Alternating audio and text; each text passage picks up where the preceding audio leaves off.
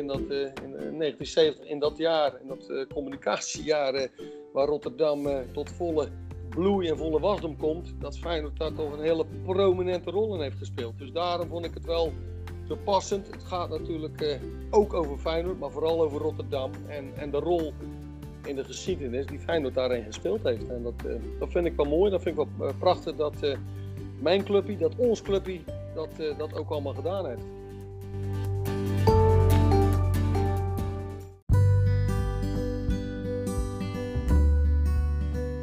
Je luistert naar de Feyenoord Boekenkast. Het zal je niet verbazen, maar dat is een podcast over Feyenoord en boeken. Vol verhalen over de club, over haar oudspelers en over het prachtige stadion. Het ene boek is toch mooier dan het andere. Mijn naam is Pieter Verkijk en in elke aflevering vraag ik een luisteraar naar zijn of haar favoriete boek. Vaak is dat een lezer en soms een schrijver.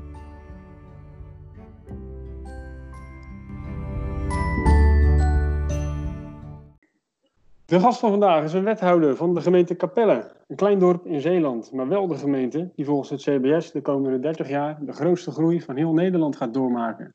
Zijn naam is Jon Hesselman. En ondanks dat hij de langzittende wethouder van Nederland is, bruist hij nog van de frisse ideeën. Welkom Jon. Ja, eh, welkom. Eh, zeker. Leuk, eh, leuk dat ik ook in deze podcast mag, mag, mag meedoen en mag verschijnen. Ja, nee, uiteraard. Nee, het heeft natuurlijk ook een, een leuke aanleiding. Want een van die, die frisse ideeën, dat is waardoor ik dacht, hey, dat is interessant om in de podcast ook even uit te nodigen. Ja, dat, uh, dat, dat, snap ik. Uh, en een van die frisse ideeën, dan, dan heb jij het over het idee waarin ik de jeugd in onze gemeente Capelle heb uitgedaagd om wat met het thema Feyenoord te tekenen, stoepkrijt of gewoon tekenen of in ieder geval een opdracht te maken. Daar doe jij op, Pieter. Ja, absoluut. Ja. Want dat hing volgens mij volledig samen met, met de coronacrisis. Ja, dat, uh, ja, dat klopt. Dat klopt. Van het ene mo moment op het andere moment zaten wij in een, in een intelligente lockdown, zoals dat genoemd wordt.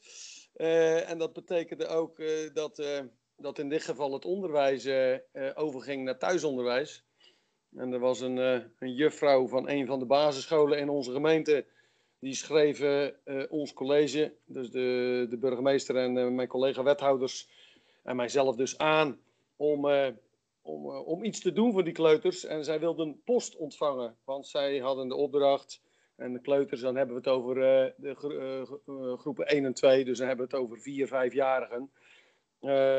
Misschien nog een, eentje van 6, maar die, die leeftijd praat je nou over. En die, die waren zelf post aan het schrijven voor mensen in de verzorgingshuizen bij ons in de gemeente. Maar ze wilden zelf ook wel iets ontvangen. En nou ja, zo is het een en het ander ontstaan.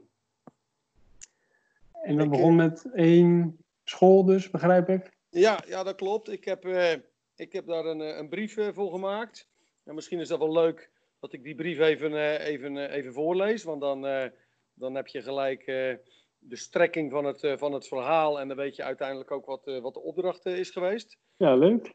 Ja, nou, de juf die heette Marlinde. Dus ik begin met lieve kleuters van, van juf Marlinde. Ik ben Jon Herseman en ik ben wethouder van jullie gemeente, Capelle. Ik ben getrouwd met Monique. Ik heb een dochter, Kim, en een zoon Tristan en ik woon ook in Capelle. Lang geleden was ik net zo oud als jullie. Ik ging naar de peuterspeelzaal, ook in Capelle, en daarna naar de lagere school De Molhoek, ook in Capelle.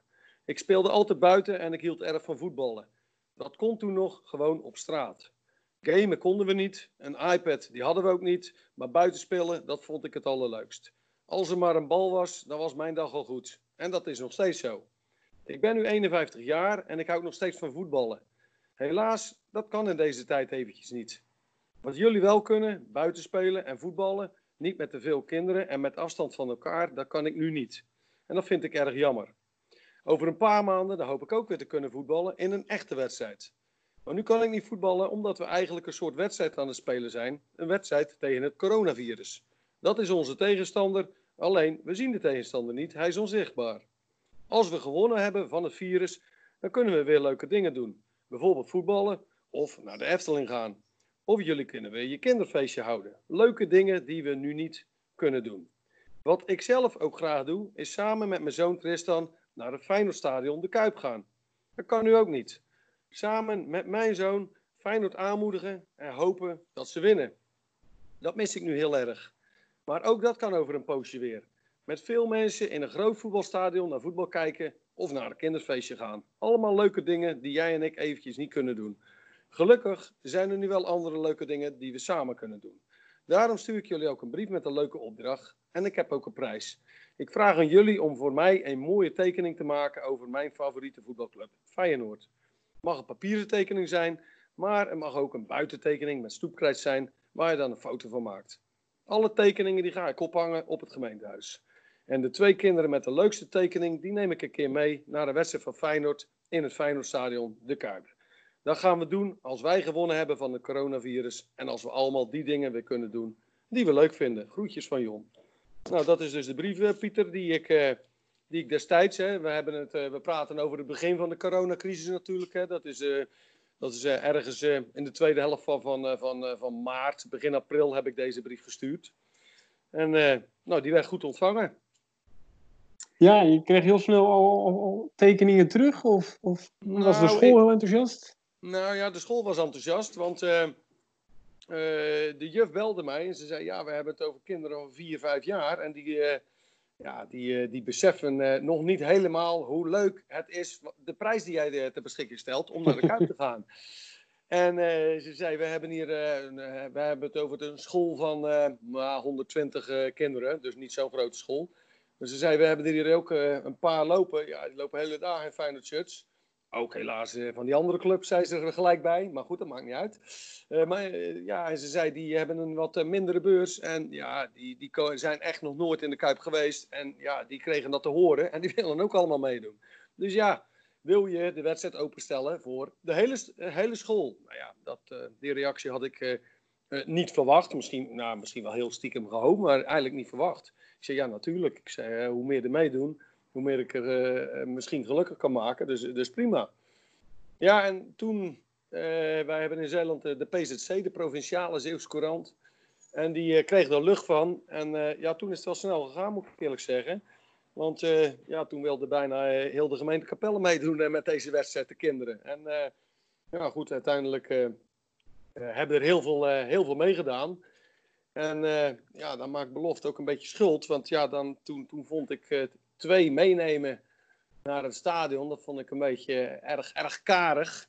Dus uh, ja, het een kwam het ander. En uiteindelijk heb ik gezegd, we gaan uh, met, uh, met maximaal 25, 25 mensen, zeg maar 20 kinderen en wat begeleiding, gaan we een keer naar de Kuip, naar het Feyenoordstadion, een thuiswedstrijd.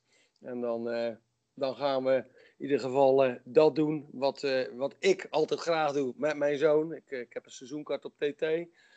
En uh, dan, ga, dan neem ik die kinderen mee en dan uh, hoop ik dat ze op dat moment de dag van hun leven hebben. Wauw, wat tof. Ja. Hoe gewoon zo een, een tekening, een, een, wedstrijd leidt tot een, volle bus. Want je moet gewoon een bus gaan huren.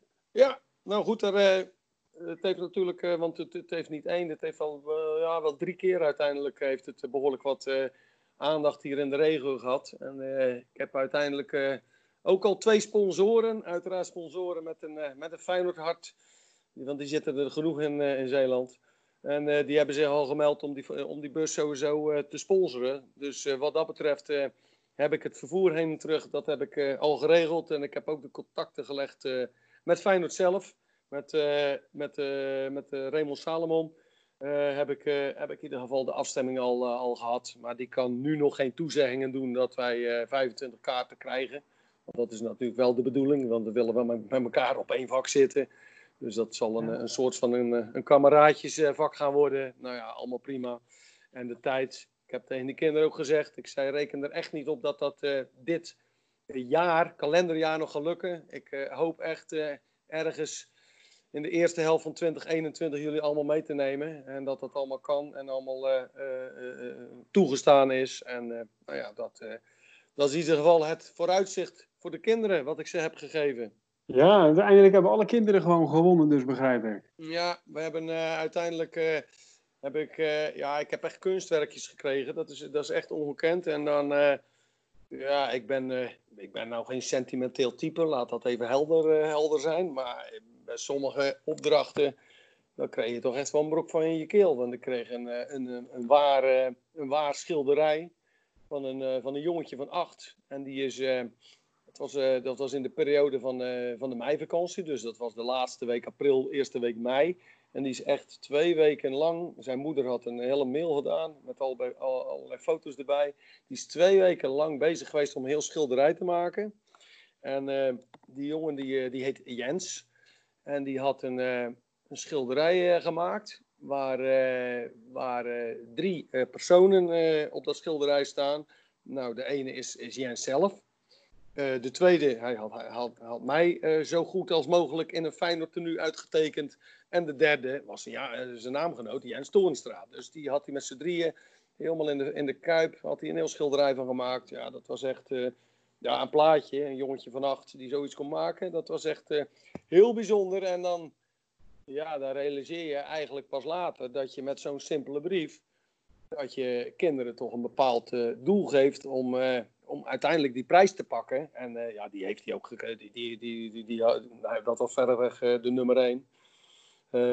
maar ja, goed, dan, dan, dan, dan, ja, dan realiseer je pas van, ja, dat je toch iets op, op zo, met, met zo'n betrekkelijk klein iets toch iets kan bereiken voor die kinderen. En dat, ja, uh, dat, dat, dat, deed me erg veel goed. Dus Jens mag dadelijk voor in de bus zitten? Ja, die mag zeker voor in de bus uh, zitten, Pieter. En dat was, uh, ja, dat, we hadden ook uiteindelijk, want je wil iedereen toch een, een, een, soort van aandenken geven. Dus we hadden een, een kaart laten maken met, met alle creaties op de voorkant en op de achterkant hadden we dat tegenwoordig, kan je dat allemaal via een digitale kaartenprogramma, kan je dat allemaal mooi persoonlijk maken. En uh, op de achterkant uh, hadden we dat geschreven, dat ze allemaal mee mogen. En tegen de tijd dat het zover is. En inmiddels heb ik al wat moeders gesproken. En nou, het staat op de slaapkamers van, van de kinderen. De meeste, zijn jongens, er zijn ook een paar meisjes tussen. Maar staat het prominent heeft het een plaatsje gekregen met als het ware het, het toegangskaartje voor een wedstrijd van Feyenoord. Leuk zeg. Nou, waarschijnlijk die jongens en meisjes die, die voor die andere club waren, zoals je het noemde, die, die gaan ook gewoon mee natuurlijk. Die heb je nu gewoon voor onze club gewonnen. Ja, nou ja, dat, dat, dat hoop ik wel. Hè. Zo gaat het vaak. Hè. Je neemt ze één keer mee naar een stadion. Ze, ze, gelijk, ze zijn gelijk overstag. Ik bedoel, zo is het, zo is het met velen gegaan, vermoed ik zo. En nou ja, dat is wel de bedoeling. En de werkkamer ook nu helemaal vol met tekeningen, neem ik aan. Ja, inmiddels heb ik ze moeten. Uh, dat, de schilderij dat heeft nog een prominente plaats. Uh, maar ik heb, ze, ik heb ze twee maanden laten, laten hangen. Maar de schilderij dat laat, ik wel, uh, dat laat ik wel hangen. Dat is ook een schilderij, nou, dat is wel een meter breed. Dus dat, dat heeft een mooie plaats gekregen. En dat, dat, blijft, dat blijft wel lekker, lekker hangen daar. Dus op het moment dat. Het, het levert altijd discussie op. Want inmiddels is het zo dat, dat er ook weer gewoon afspraken op een gemeentehuis en ik ook op mijn werkkamer gemaakt worden. En dat, dat is een tijdje niet zo geweest natuurlijk, maar dat is, nu, dat is nu weer allemaal aan het opstarten. En op het moment dat ze dat schilderij zien, dan, dan, dan is het altijd het eerste gespreksonderwerp. Dus dat, mm. dat is altijd leuk. En dan, dan hoor je. Ja, vorige week had ik er eentje. En ja, die begon gelijk over de eerste keer dat hij ooit in de Kuip was geweest. En dat was dat was, dat was een man van, van tegen de 60. En oh joh, je zag gewoon, je zag gewoon de glinstering in zijn ogen. Uh, hoe hij erover aan het praten was, kon hij nog als de dag van gisteren herinneren. En dat, je krijgt er gelijk leuke, uh, leuke gespreksonderwerpen door. Ja, mooi. En, en volgens mij was er ook nog iets met een boek. Ja. Wat te maken had met deze hele tekeningenwedstrijd. Ja, ja, ja dat, dat klopt, Pieter. Ehm, in, in die periode dat, uh, dat, dat die wedstrijd was, toen eh, was de voorverkoop ook van het boek van, van Kik-uitgevers Leven Feyenoord 1. Hè, dat is in het teken van de Cup en de Kuip 1970. De eerste Europa Cup van Nederland en de eerste Europa Cup 1 voor, voor Feyenoord. En daar had Kik-uitgevers een, een, een groot boek aan, aan gewijd. En dat liep op dat moment liep dat ook in de voorverkoop. En uh, Matti Verkamman, dat is, uh, dat is een van, uh, van de schrijvers van dat boek. En volgens mij zit hij ook in Kik-uitgevers eraan verbonden in ieder geval. En dat, die woont ook in Zeeland en die had dat gelezen. En het stond op vrijdag in de, in de krant. En vrijdagavond had ik al een hele mail van, van Matti. Die vond het zo'n fantastische actie. Hij zei ook van met name dat stoepkrijt spreekt mij aan. Die zei van ik heb ook kleinkinderen die, die wonen in Rotterdam. En die zijn ook daar aan stoepkrijten. En dat is zo mooi in deze tijd lekker buiten te zijn en lekker bezig te zijn. En vooral met die dingen bezig te zijn die anders zijn dan het coronavirus. Dus een kind moet vooral een kind zijn. En het spreekt me zo aan dat ik dat ik jou gewoon een, eh, een boek schenk voor voor, de, ja, voor, voor de winnaar van deze wedstrijd. Dus dat was, dat, was, dat was leuk. En uiteindelijk kwam ik in contact met Matti.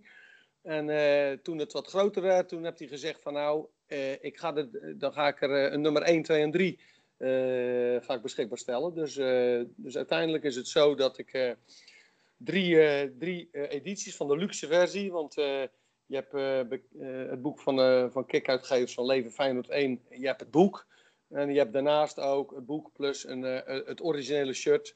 Wat gesigneerd kan worden of is door, door Van Hanegem of door Israël of door uh. Dus die drie versies kon je uit kiezen. En uiteindelijk heb ik drie versies dan van Van Hanegem gekregen. Nogmaals, Van Hanegem is een Zeeuw, geboren en getogen in Zeeland. Dus vandaar ook dat, dat, dat wij de, de Van Hanegem versie hebben gekregen. En die heb ik inmiddels uit, uit mogen reiken aan, aan de kinderen. Die dus de mooiste creaties hadden, hadden gemaakt. En dat heb, ik, dat heb ik wel op school gedaan. dat was nog in de tijd dat, het, dat ouders sowieso niet op school mochten komen. Mogen ze nu nog steeds niet. Ze moeten vooral buiten wachten. Maar goed, ik mocht netjes in de klas komen. En netjes ten overstaan van, van andere kinderen mocht ik, mocht ik alle drie de winnaars dat boek overhandigen. En ja, hun vooral ook complimenteren met wat ze hadden geleverd. Dus dat, ja. dat was leuk. Dus dat Mooi, was, even Feyenoord promoten in de klas. Ja, en, ja, ja, ja, ja, ja, ja. De link met Van Kamman en Van Hanegem en Zeeland vind ik een hele mooie.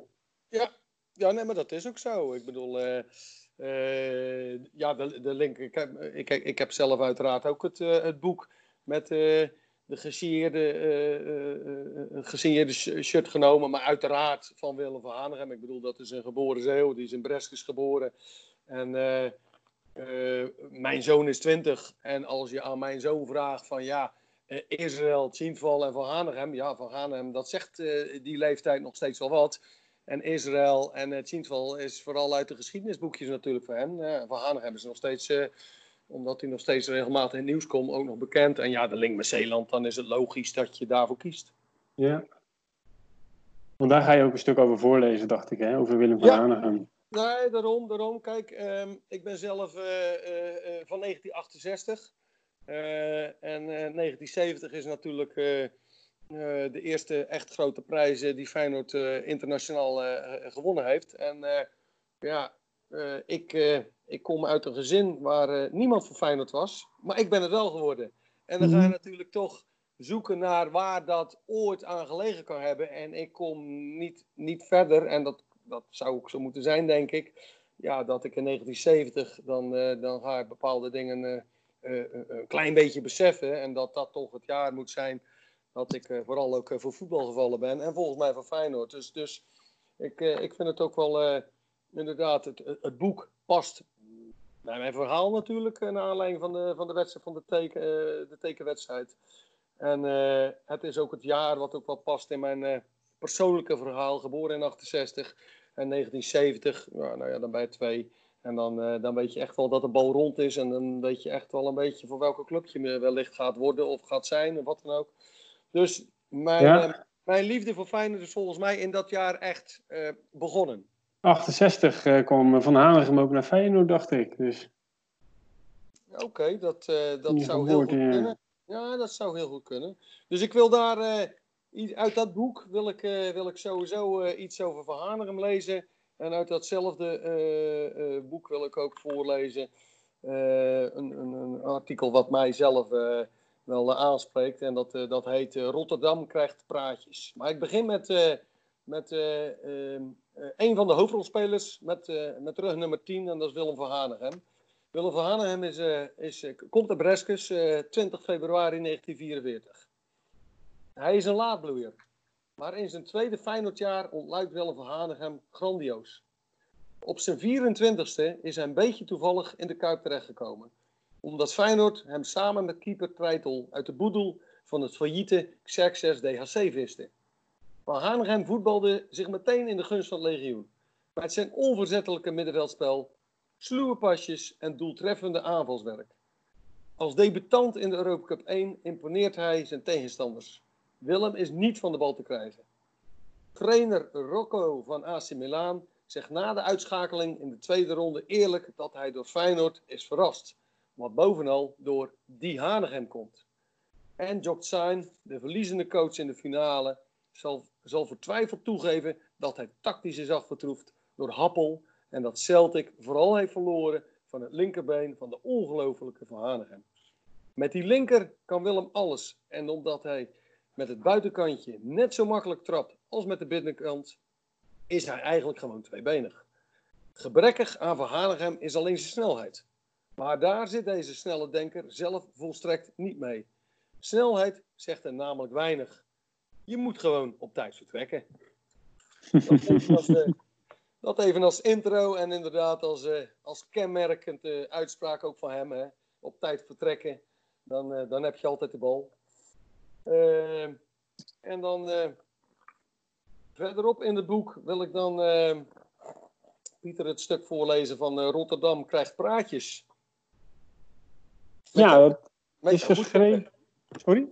Met jou goed vinden, uiteraard. Ja, uiteraard. Door wie is dat geschreven, dat stuk? Dat is geschreven uh, door uh, Jaap Visser. Oké. Okay. Ik weet niet wie Jaap Visser is, maar uh, de tekst is van Jaap Visser. Dus Rotterdam krijgt praatjes. Rotterdam zindert in 1970. De stad van de grote nijverheid barst van de ambities en wil 25 jaar na de oorlog laten zien dat het al wat meer kan dan puinruimen en wederopbouwen. De werklust van de Rotterdammer wordt alom geroemd, maar het clichébeeld van de noeste arbeider met opgestroopte mouwen dient te worden bijgesteld.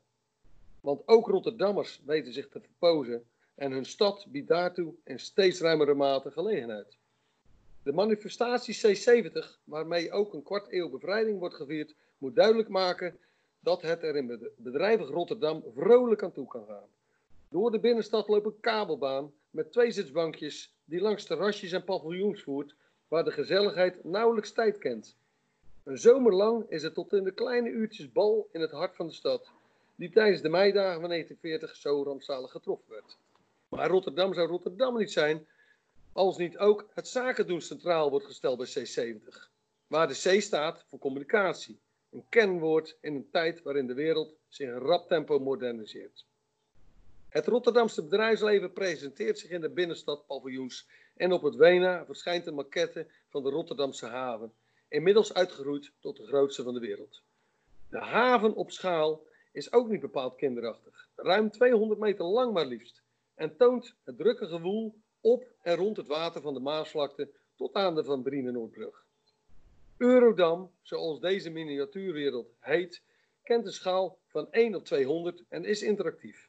Belangstellenden kunnen door het bedienen van knoppen en hendels haventjes spelen. En als de duisternis invalt, wordt het hele spektakel met 20.000 lampjes feeriek verlicht.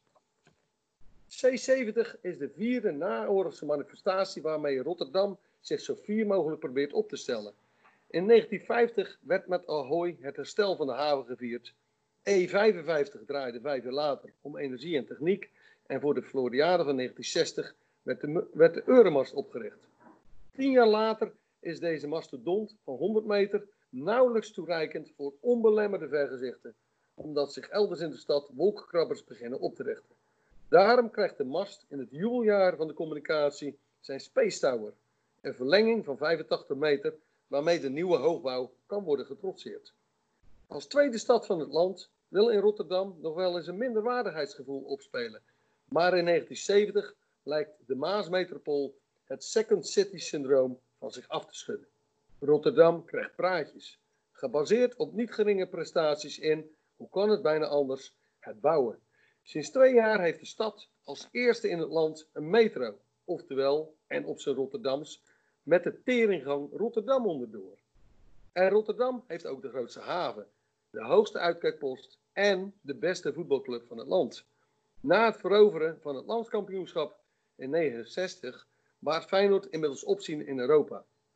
Als op 5 mei 1970 de vrolijke stadsmanifestatie van start gaat, staat de Club van de Kuip zelfs voor de finale van de Europa Cup in Milaan. Goed gemutst begint Rotterdam aan C70. En op de openingsdag van het bijna half jaar durende evenement ontsteekt koningin Juliana bij de Sint-Laurenskerk de bevrijdingsvlam. Dat doet Hare Majesteit met een fakkel die is overgebracht uit Wageningen, waar de Duitse troepen in Nederland in 1945 een capitulatie tekenen. Op de derde dag van C70 beleeft Rotterdam zijn grootste feest sinds de bevrijding, wanneer Feyenoord in Milaan het ondenkbare heeft gepresteerd en nu de Europa Cup komt showen op het balkon van het stadhuis. Aan de voeten van de rood-witte helden liggen heel Rotterdam en aanhangers uit alle delen van het land. Een zee van 150.000, misschien wel 200.000 200 mensen golft over de Koolsingel en het Stadhuisplein. Van het Hofplein tot aan de Meent, overal fans. Ze drommen bijeen, hangen uit ramen, bungelen aan lantaarns en beklimmen de paviljoens van C70 die als tribunes dienst doen. Feyenoord doet Rotterdam zwellen van trots en de stad gaat feestend de zomer tegemoet. Een zomer met, ook daarin is Rotterdam de eerste van het land, een gigantisch popconcert in de open lucht. Eind juni is het Kralingse Bos het decor voor het Nederlandse antwoord op Woodstock van een jaar eerder. Organisatorisch is het Holland Popfestival een puinhoop en financieel gezien een regelrecht drama, want driekwart van de naar schatting 100.000 bezoekers verschaft zich illegaal toegang tot een festivalterrein. Maar met wereldacts als The Birds, Santana, Jefferson Airplane en Pink Floyd is het driedaagse concert een geweldige hit.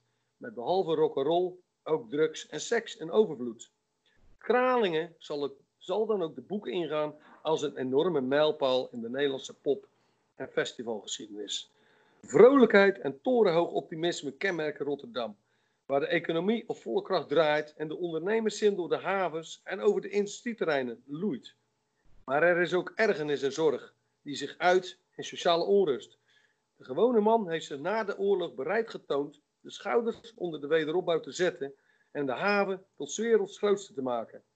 Maar hij wil daar onderhand wel eens wat beter voor worden beloond. Het is niet alleen maar Jolijt in het Rotterdamse feestjaar, want 1970 kent ook felle protesten, grote stakingen in met name de haven en stiptheidacties bij de PTT, de post, dan nog een machtige communicatiefactor. En er zijn ook milieuvoorvechters die wijzen op de schadelijke effecten van die almaar voordenderende economie. Smok bederft de lucht in de Rijnmond, waar voor het eerst de alarmbel wordt geluid. Zij het dat die door de autoriteiten nog nauwelijks wordt gehoord. Na de zomer is Rotterdam nog niet uitgefeest. Op de late avond van woensdag 9 september verschijnt Feyenoord nogmaals op de Koolsingel om de wereldbeker te tonen die zojuist is buitgemaakt op het Argentijnse, Argentijnse Estudiantes. Zo eindigt C70 met waar het mee begon. Het, het bejubelen van de Rotterdamse voetballers die 1970 tot een van de meest memorabele jaren in de stadgeschiedenis maken. Door zijn ongekende succes is Feyenoord niet meer, alleen, niet meer alleen van Rotterdam, maar van het hele land. De club met het stadion aan de Nieuwe Maas geniet al lange populariteit buiten de eigen stad. Maar weet in 1970 nog eens talloze voetbalzielen voor zich te winnen. Wanneer de Europa Cup op de Koolsingel in een paviljoen van C70 wordt gezet, stromen de Feyenoord-enthousiastelingen massaal toe om zich met de heilige voetbalgraal te laten fotograferen. Dat kan voor een knaak 2,50 gulden. En de opbrengst van deze supportersactie stelt Feyenoord beschikbaar voor een goed doel. Het verbeteren van de leefbaarheid in oude Rotterdamse wijken en de vooral ten gunste van de, van de aldaar opgroeiende jeugd. Met de cup op de kiek is een geweldig succes. De fijne supporters die meteen een Polaroid mee naar huis kunnen nemen, komen van heinde en verre. Zo ook Johan, Johan Peter Honef, hervormd predikant te Leiden-dorp en voorzitter van RCL, club uit de christelijke zaterdagvoetbal. Dominee Honef verplaatst zich op een Solex door zijn dorp en met dat brommertje tuffert hij, enigszins heimelijk, helemaal naar Rotterdam voor een Polaroid met de cup van zijn geliefde Feyenoord. Dat hij doorgaans op zondag voetbalt, ziet de dominee door de vingers. Grote kans immers dat de sympathie voor Koemelijn, Wimpy en de Kromme ook hierboven geldt. Leven Feyenoord 1. Dat was hem, eh, Pieter. Wat leuk. Ook mooi die foto erbij van de dominee. Ja, ja het verhaal. zeker, zeker, zeker, zeker. De dominee van het christelijk dorp. Feyenoord die op zaterdag voetbalt. Nou, wat dat betreft uh, uh, staat Feyenoord dan uh, ook weer boven alles, hè?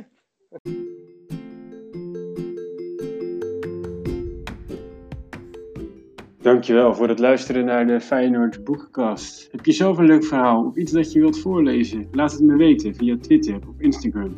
Iedere twee weken komt er een nieuwe aflevering online en samen bouwen we zo een kanon op van de meest bijzondere verhalen over de mooiste club van Nederland.